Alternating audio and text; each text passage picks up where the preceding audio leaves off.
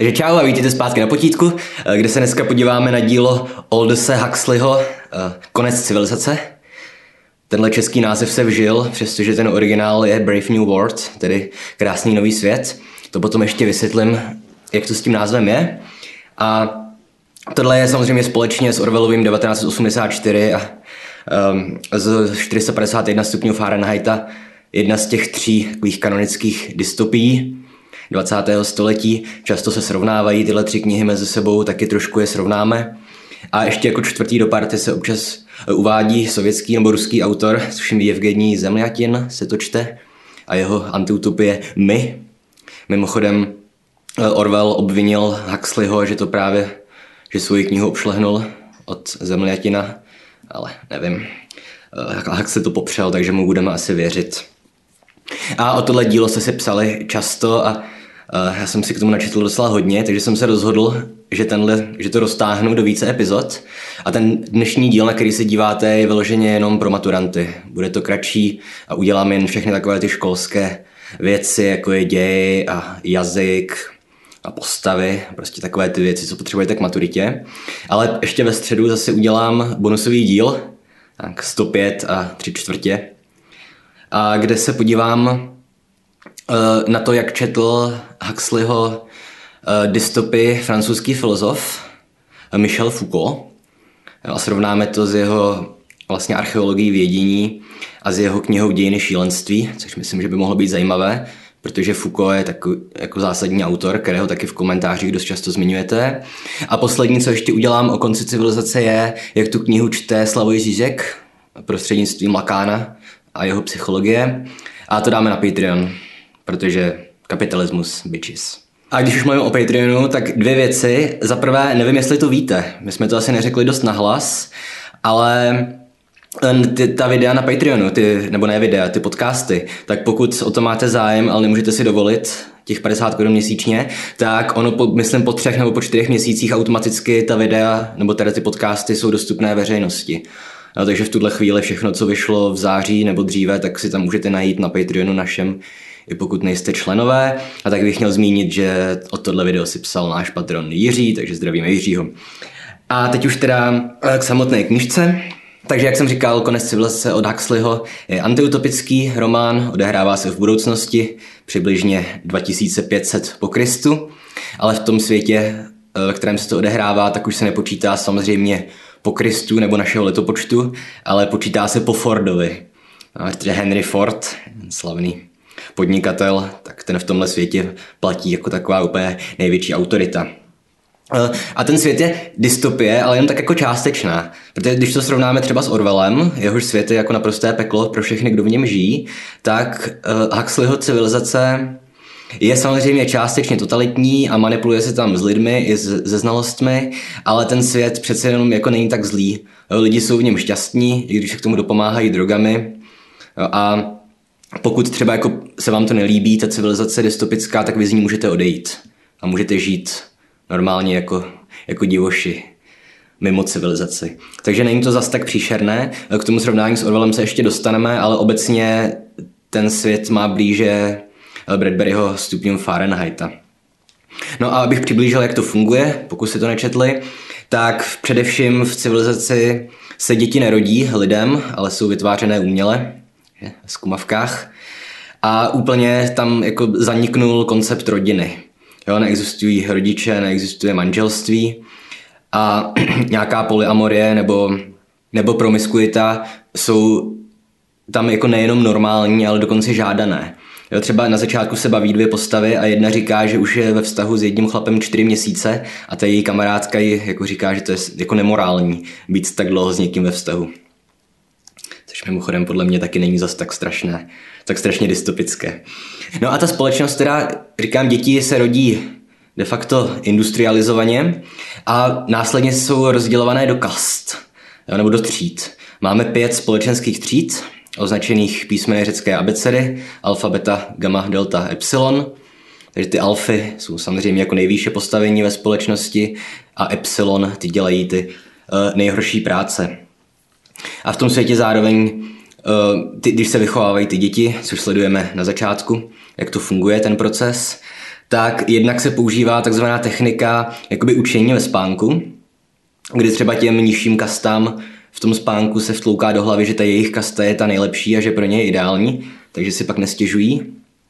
A zároveň se používá i metoda, že pana Pavlova, IP Pavlova, těch podmíněných reflexů, kdy třeba ty děti z těch nižších kast, tak oni jim vlastně ukazují třeba květiny a knihy a pouští do nich elektrické šoky, aby v nich tak jo, vyvolali ten podmíněný reflex, že květiny nebo příroda a knihy jsou pro ně špatné.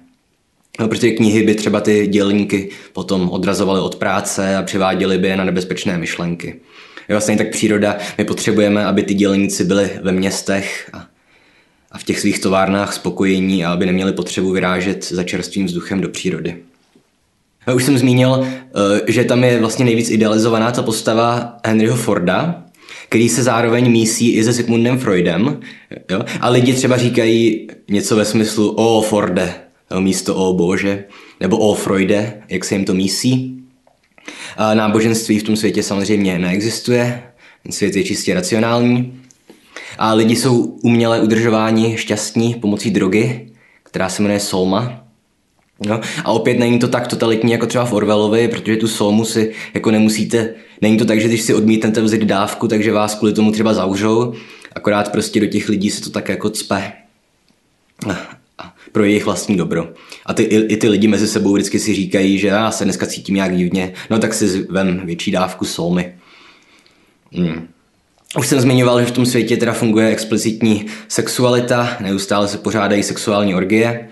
Mimochodem ta kniha je z roku 1931, takže samozřejmě si dovedete představit, že ve světě celkem se setkala hodně s odmítnutím a s cenzurou, v některých prudárnějších zemích, jako je Indie nebo Spojené státy, tak samozřejmě byly snahy tu knihu zakázat. A opět ve své době byla odmítnuta, především právě kvůli té ne- nějaké nemorálnosti. A opět se ještě vrátím ke srovnání s Orwellem, tak je třeba zajímavé, že historie se nezatajuje nebo nepřepisuje, jak je to v Orwellovi, ale spíš ta historie my si v tom světě vysmíváme. Jo, že oni prostě říkají, podívejte tenkrát ty lidi, oni byli nemocní a četli ty nudné dlouhé knížky, zatímco my dneska tohle jo, nemusíme dělat, protože máme, že máme dokonalé zdraví a, a máme ty léky pro štěstí, takže nemusíme jako tenkrát ty lidi se trápit a být smutní. A tak dál. Ale jako ta historie se netají, jenom se jí ten režim vysmívá. a tím se snaží ty své obyvatele opět přesvědčit, že ten jejich režim je ten správný.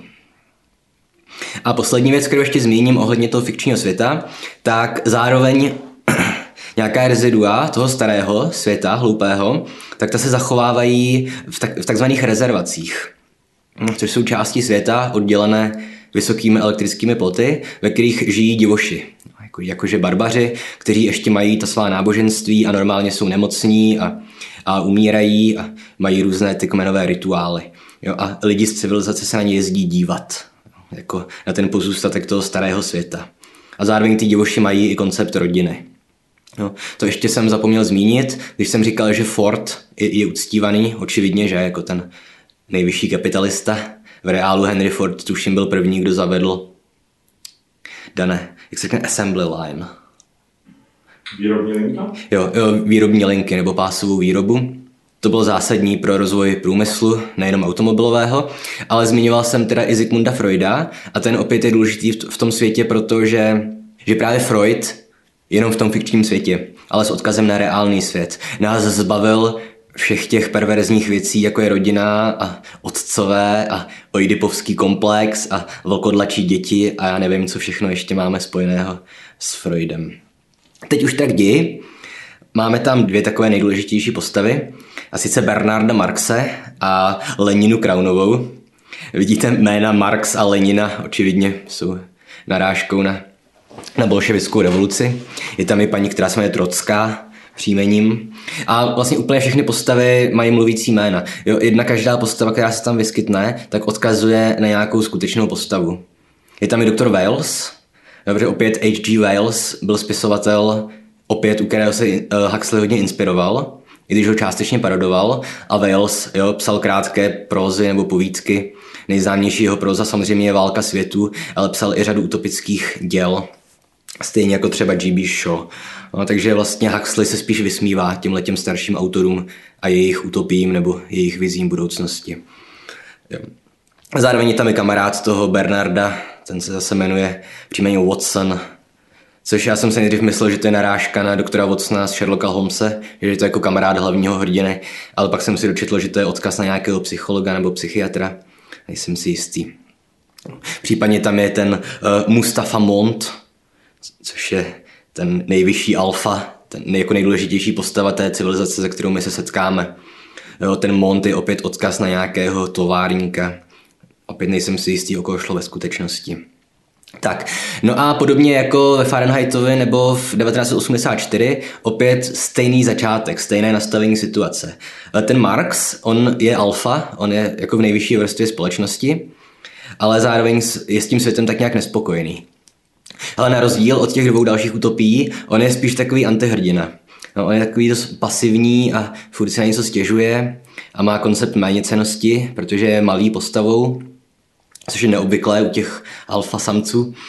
No, a, a on teda se seznámí s Leninou, taková velice atraktivní dáma a velice promiskuitní a tak spolu zač- začnou tokat ne, že by se zamilovávali, že to v tom světě není úplně obvyklé, ale právě se rozhodnou, že spolu vyrazí na výlet do jedné z těch rezervací, kde žijí ti divoši.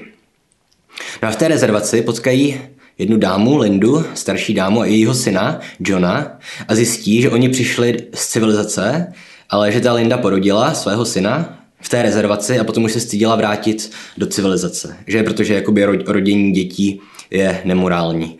To, to dělají jenom ti divoši. No a zároveň ten John je v takové dost špatné situaci, protože uh, samozřejmě on pochází z civilizace, nebo aspoň jeho matka, a zároveň v té rezervaci ti divoši ho nepřijali někdy mezi sebe. Takže on je takový vyvrhel dokonce i mezi těmi divochy. A co je vůbec důležité, že on má jediné knihy, které má k dispozici, jsou vlastně sebrané spisy nebo sebrané dílo Williama Shakespearea. A on jak má nedostatek kontaktu i s těmi barbary, tak, nebo divochy teda, tak on mluví takovou zvláštní řečí, která je Shakespeareovská. Dovedete si představit, pokud byste mluvili jako Shakespeare, že byste zněli divně. A přesně tak zní John, takže on neustále plive citace nebo citáty z Shakespeareova díla. A tady se mimochodem dostáváme i k názvu té knížky. Jo, ten krásný nový svět v originále, Brave New World, v češtině Konec civilizace. To je opět citát eh, z, z Bouře, to je romance od Williama Shakespearea. A tohle není úplně nejznámější Shakespeareovo dílo, takže vysvětlím, o co jde. Jo, v Bouři je dívka Miranda, která žije na, na ostrově svého otce kouzelníka a jediný, s kým ona se zná, je příšera taková jménem Kaliban, což je přesmička očividně kanibal, no, což je takový poločlověk, polozvíře, takové děsivé. A ta dívka, ta Miranda, celý svůj život nikoho jiného nepozná. No a potom na, na ten její ostrov bouře právě přinese loď a ona, ta, ona vidí poprvé v životě normální lidi, nejenom příšeru. No a když je vidí, tak ona zvolá, že je krásný nový svět a krásní lidé v něm. Což je jenom nějaká její naivita nebo neznalost, protože ty lidi, kteří připlujou, jsou docela padouši, nebo při nejmenším alkoholici. Jo, a stejně tak očividně Huxley naráží tedy na to, že ten svět té civilizace nám může připadat jako krásný, ale že to je jenom klam, stejně jako v Shakespeareově bouři. No a John tedy se seznámí s, s Marxem a s Leninou a nakonec se dohodnou, že ho vezmou zpátky sebou do civilizace. Ono toho Marxe to je spíš tak jako strategický tah, ale zas tak hluboko do detailu už zacházet nebudu. On ho potřebuje pro vlastní potřebu. No a ten John, teda když se vrátí do civilizace, ten divoch, tak se z něj stane taková celebrita. Jo, oni mu tam říkají, on to působí dost ironicky, jo, pane divochu, a všude ho berou na párty a lidi se s ním chtějí seznamovat a, a bavit a samozřejmě souložit, protože tak that's how they roll. Uh, už teďka to trošku zkrátím, protože myslím, že, jak jsme na tom s časem, dané? 15. 15 minut. Že už ději jsem se věnoval až moc. Takže ve výsledku um, ten Bernard Marx a jeho kamarád Watson tak si k sobě zavolá jeho fordstvo, ten Mont, ten nejvyšší alfa a řekne jim, že, že budou vykázáni z toho světa. No, protože oni jsou tam nespokojení. Eh, ten Watson především proto, že on je spisovatel a jak je pořád šťastný, tak zkrátka mu chybí nějaké emoce, aby mohl tvořit, že? Protože k literární tvorbě potřebujeme přece jenom i nějaké negativní emoce. Je potřeba pokrýt celou škálu těch lidských pocitů. Takže on jim ten Mond řekne, že budou vykázáni z toho světa, ale zároveň jim řekne, že to je vlastně za odměnu. Protože on je vykáže na nějaké ty ostrovy, kde žijí ti ostatní nonkonformní lidi. Ostatní lidi, kteří nebyli šťastní v té přízemní civilizaci, kde akorát lidi berou drogy, aby byli šťastní a souloží. A že teda to, že oni budou exulanti, že to je pro ně odměna, že to je pro ně dobře, protože se setkají s lidmi, kteří jsou na stejné úrovni, jo, a se kterými si budou moc povídat a budou tam šťastní. No, ten Marx, ten Bernard, ten je pořád z toho ještě nešťastný a, a naštve se, že, že budou vykázáni z civilizace, ale Watson, ten jeho přítel spisovatel, ten je naopak rád a vyžádá se, aby je poslali na, tuším, Fajerské ostrovy, kde je škaredé počasí. No, takže tam bude mít ještě horší ty podmínky a bude tedy moc tvořit. No a Ford, teda Ford, no a John, ten zkrátka přestane být šťastný v tom světě, umře jeho matka a uh, on prostě se nedokáže zbavit těch svých starých uh, barbarských zvyků a, a nelíbí se mu, že ti lidi ho vlastně pokládají za takové zvíře v zoo, že se na něj chodí dívat, chtějí po něm, aby jim předváděl ty domorodé rituály, aby používal ten svůj byč. A John nakonec to nesnese a v závěrečné scéně se oběsí. Zajímavé je, že z těch všech hlavních hrdinů, řekněme čtyři jsou, že ten divoch John, Bernard, eh, Watson a Lenina, tak u Leniny my ne, nevíme, jaký je její osud. Nevíme, co se s ní nakonec stane. U těch ostatních to zjistíme. No, takže tohle k ději. Eh, teďka teda říkáme, dneska to byly vyloženě maturitní, takže k výkladu toho díla. Nejčastěji asi najdete ten výklad, že zkrátka to je Huxleyho kritika těch, toho komunistického idealismu, nebo té naivity těch tenkrát komunistů nebo bolševiků, kteří věřili tomu, že můžeme dosáhnout nějaké idealizované společnosti. No a tenhle výklad se hodně rozšířil. Velkou část taky na tom mělo to, že tenhle výklad tuším první, kdo ho nějak jak to říct, kanonizoval, byl rakouský a pozor eh, ekonom, ne literární vědec, Ludwig von Mises. A on teda řekl, že to je zkrátka jenom kritika toho absurdního těch absurdních premis marxismu a komunismu. Ale samozřejmě, že Mises tohle řekl, protože nevím, pokud ho znáte, von Misese, ale on to je takový taťka všech libertariánů současných.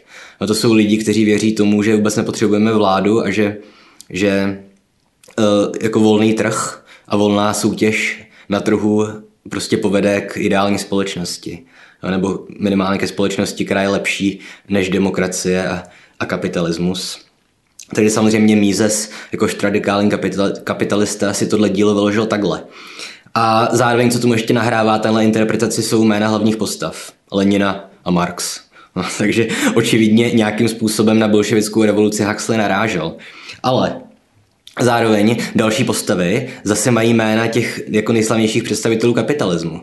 No, v čele s Henry Fordem, který je tam uctívaný jakožto svého druhu bůh. No.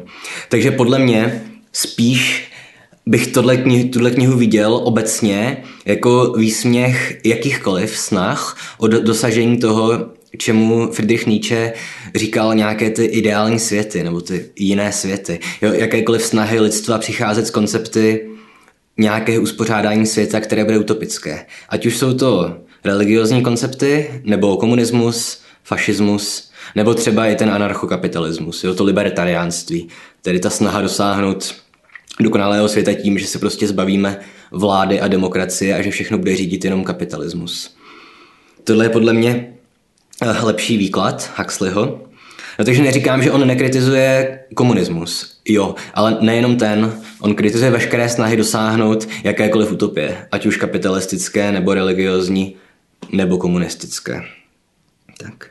Jo, třeba ještě k té kritice kapitalismu zas. On na konci, když ten Mont těm dvou chlapcům vysvětluje, proč třeba Shakespeare je zakázaný, mimochodem vtipné je, že ve všech antiutopích se vždycky zmiňuje Shakespeare, nevím, jestli ti autoři předpokládají, že nikoho jiného z klasické literatury čtenáři neznají, ale je to totéž i, v, i ve Fahrenheitovi a v 1984.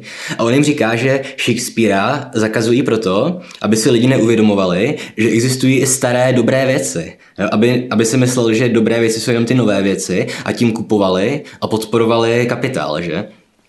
Takže, jak říkám, kapitalismus je kritizovaný v tomhle dílu úplně stejně jako, jako komunismus. No a pokud byste si troufli u maturit, tak můžete zmínit i Martina Heideggera, a nejdřív si můžete pustit díl, který jsem o něm dělal. A tady myslím, že tu můžeme srovnávat s, s tím jakoby angstem, s tím strachem, který měl Heidegger z moderních technologií. No, protože ta soma, ta droga, kterou beru v Huxleyu civilizaci, my si můžeme vyložit jako nějakou tu stupidní zábavu, kterou my dneska konzumujeme a kterou se navozujeme štěstí. No, všechny ty televizní seriály nebo laciná literatura braková. Jo, a přesně o tomhle psal v souvislosti s televizí a s rozhlasem už právě Martin Heidegger. On říkal, že, že ty lidi sedí jako otroci přikovaní k těm vysílačům. Hm. O, ostatně na tohle téma bych vám doporučil knížku Neila Postmana, tuším z 80. let, která se jmenuje Ubavit se k smrti a který tímhle způsobem vykládá právě i Huxleyho konec civilizace. Jo, že ta droga symbolizuje všechna ta média, která lidi odvádějí od skutečných pocitů a akorát v nich navozují nějaké umělé emoce prostřednictvím nějakých hloupých, jednoduchých příběhů.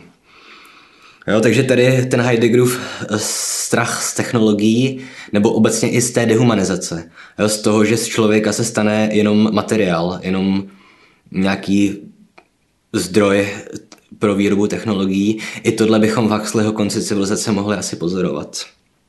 No a potom samozřejmě tradiční školský výklad vždycky se v něm objeví to, že zásadní otázka Huxleyho konce civilizace zní, jestli je pro člověka důležitější svoboda nebo štěstí. Tohle samozřejmě chápu, že patří do škol, protože to je dobré téma pro zadávání slohových prací, případně pro diskuze ve třídě. A nevím, podle mě tohle, tuhle otázku zodpověděl už Milton ve Ztraceném ráji, kdy Satan říká, že radši bude vládnout peklu, než sloužit v nebesích. Ale jak říkám, do škol tahle otázka asi patří. No, a teda ještě pro maturanty, co se týče formálních prvků, je to jednoduché. Je to po všech směrech tradiční forma vyprávění příběhu. Ten děj se odehrává lineárně, eh, vypravěč reformový, chcete-li heterodigetický. Jediné, co tam je z formální stránky trošku zajímavé, je jednak kontrast eh, v promluvách postav, kde ten divoch paradoxně mluví tu krásnou shakespearovskou angličtinou, zatímco ti civilizovaní lidi, opět v úvozovkách, mluví tou nonchalantní řečí, orgy porgy, já nevím, jak je to přeložené do češtiny, ale citují takové lacené básničky týkající se sexuálních orgií. Jo, a Druhá věc, která je zajímavá formálně, je to, že především ze začátku té knihy se velice, velice rychle střídá ta takzvaná fokalizace. Je totiž to, koho my vidíme a posloucháme. Že vyloženě každý odstavec my sledujeme e, jinou, jinou situaci. Sledujeme jiné lidi, kteří se spolu povídají a velice rychle a chaoticky mezi sebou ty scény přeskakují. Tak. A tohle je myslím všechno, e, co budete potřebovat k maturitám. Ve středu se teda podíváme, jak čte Huxleyho Michel Foucault a potom se ještě podíváme na to, jak čte Huxleyho Slavoj Žižek. Takže klasicky, jestli se vám video líbilo, dejte like, dejte odběr, pište komenty, recepty, případně letadla nám můžete popsat, nebo co všechno nám tam děláte. Můžete nám napsat, kdy pojedete na hory a kam a jestli vůbec lyžujete. Nebo třeba jestli máte radši snowboard. A jinak samozřejmě, kromě toho nás můžete podpořit na Patreonu, jak už jsem říkal. A to je asi tak všechno. Víme, co bude příště? No a na obrazovce teďka vidíte, co bude příště. Konec.